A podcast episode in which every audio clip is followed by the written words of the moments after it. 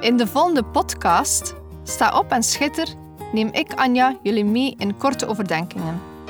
Als christenvrouw, moeder en echtgenote wil ik bemoedigen en aansporen om op te staan en te schitteren.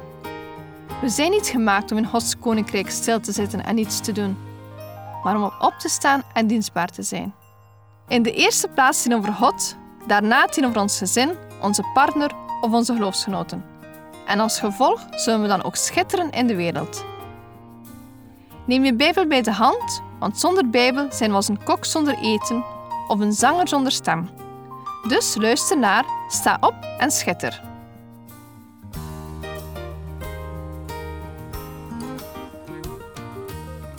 Vandaag wil ik het hebben over een fantastische vogel, namelijk de arend.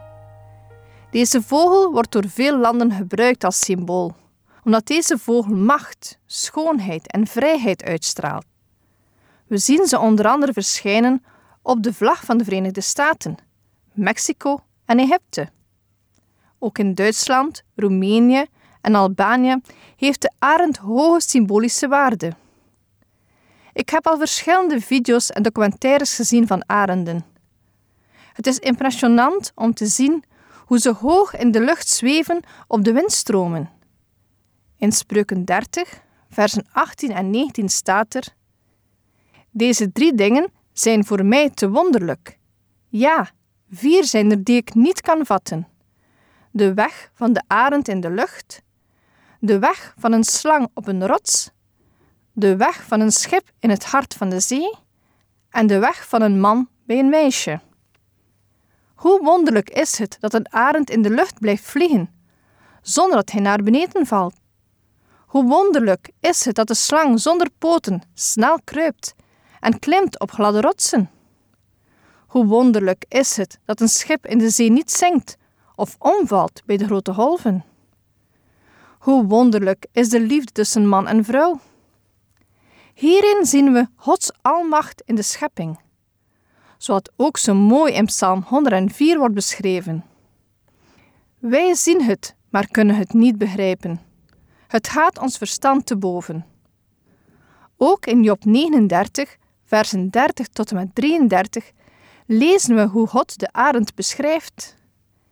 Is het op uw bevel dat de arend zich verheft en dat hij zijn nest in de hoogte maakt?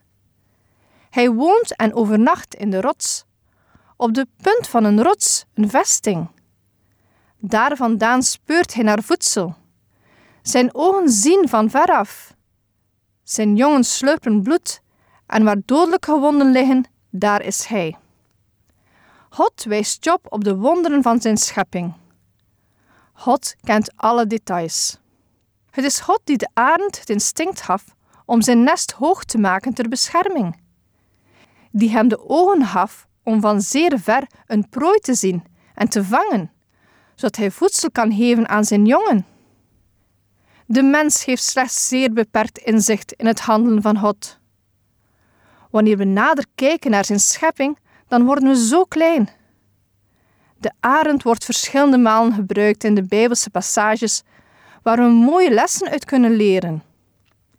In Deuteronomium 32, versen 11 en 12 staat er: Zoals een arend zijn nest opwekt, boven zijn jongen zweeft, zijn vleugels uitspreidt, ze pakt en ze draagt op zijn vlerken, zo heeft alleen de Heere hem geleid. Er was geen vreemde God bij hem. En Exodus 19, vers 4 zegt: U hebt zelf gezien wat ik met de Egyptenaren gedaan heb, en hoe ik u op arendsvleugels gedragen en u bij mij gebracht heb. In beide teksten lezen we hoe het volk van God wordt gedragen op arendsvleugels. God wil hier aantonen dat Hij als een arend over ons waakt. En niet alleen waken, maar ook beschermen. Zoals een arend voor haar kinderen zorgt, zo leidt God ook zijn volk. Zoals ik al zei, we kunnen wijze lessen leren van arenden. De arend bouwt zijn nest altijd zeer hoog in de bomen of op hoge bergwanden.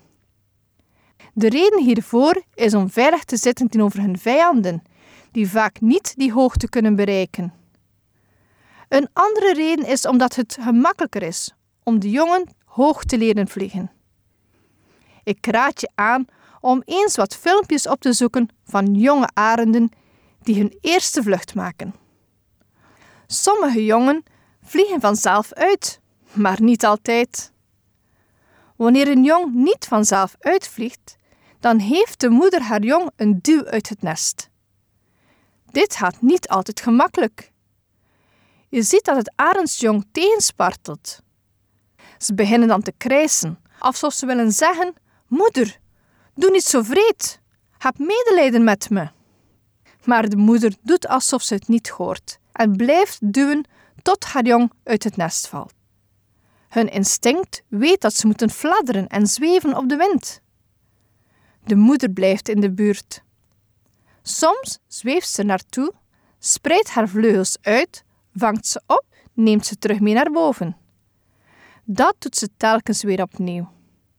Maar zo leren de jonge vogels hoog vliegen en worden hun vleugels sterk. Het is een prachtige creatie waarin we alle eer aan God geven. Het was God die de vogels creëerde. Bij het bekijken van filmpjes van jonge arenden zag ik dat de eerste lessen van vliegen niet vlot verliepen. Ik zag bijvoorbeeld een arend een verkeerde landing maken aan de waterkant. En een andere zag ik vliegen in de kruin van een boom.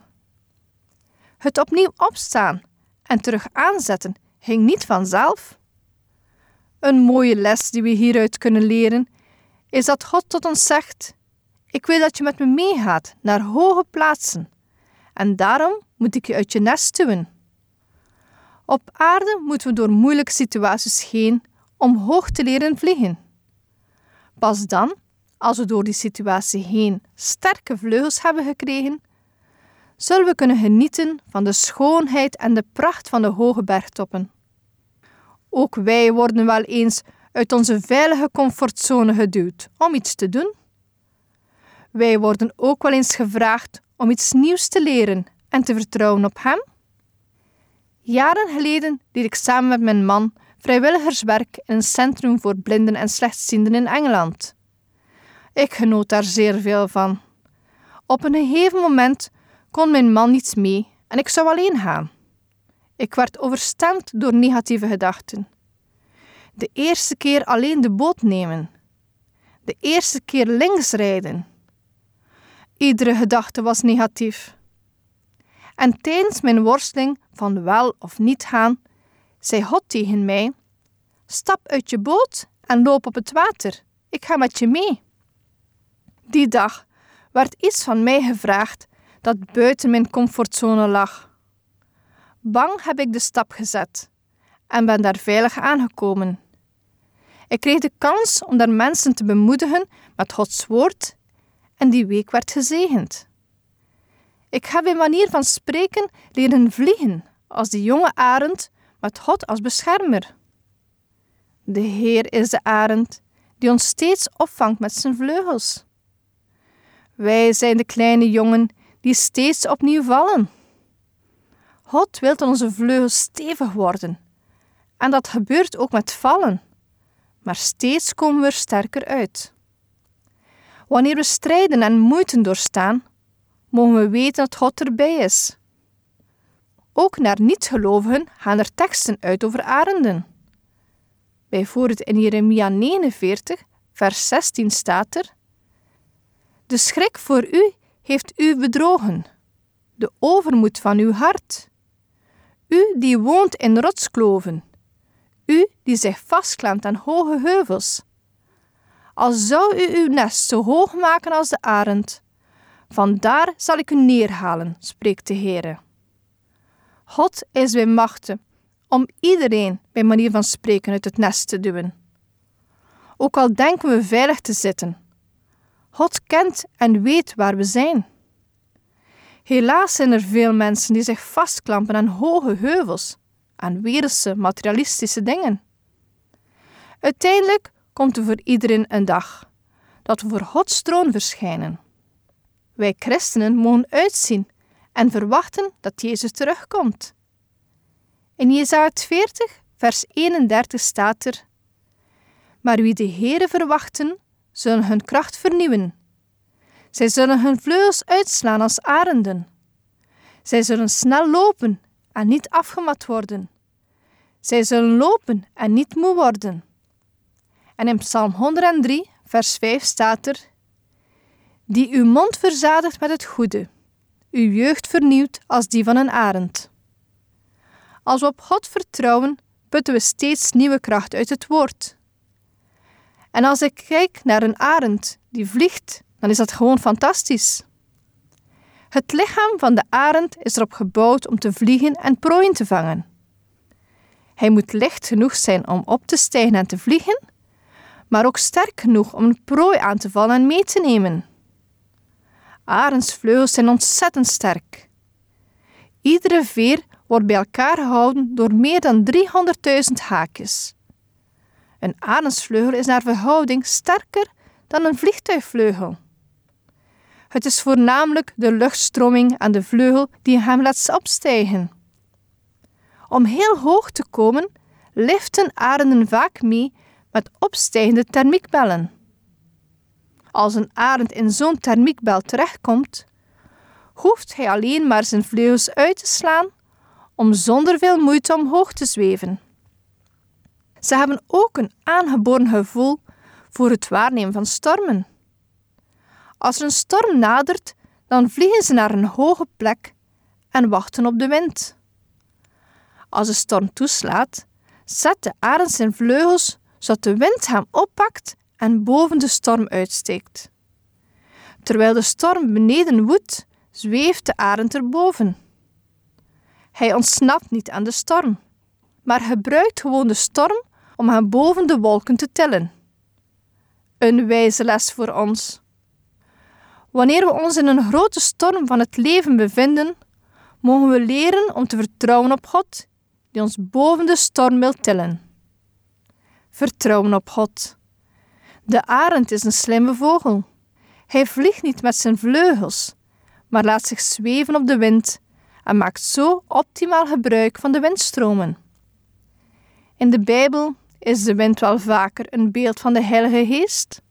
Zo wil de Heilige Geest in ons werken en ons steeds dichter bij Jezus brengen. Wanneer arenden ziek worden, zoeken ze een plekje in de zon, waardoor ze weer beter kunnen worden. Is het zonlicht geen mooi beeld van Jezus die het licht van de wereld is? Heel bijzonder zijn ook de ogen van de arend. Hij kan recht tegen de zon invliegen. Dat doet hij wanneer hij achtervolgd wordt door een vijand. Als wij door moeilijke tijden gaan, mogen we naar de Zoon van God kijken. Hij is een licht op ons pad. Als arendsvleugels zweeft hij onder ons om ons steeds op te vangen. En leg de focus op Jesaja 40. Als je moe en uitgeput bent, leg je vertrouwen bij God. Hij heeft je nieuwe kracht. Besef dat je mag vliegen als een arend. Deze podcast kun je steeds opnieuw beluisteren via de website en app van twr.be. Als je deze aflevering leuk vond en je wilt de podcast helpen ondersteunen, deel hem dan met anderen. Heb je gebed nodig of wil je reageren op deze uitzending? Zend dan gerust een mailtje naar anja.twr.be. Bedankt voor het luisteren.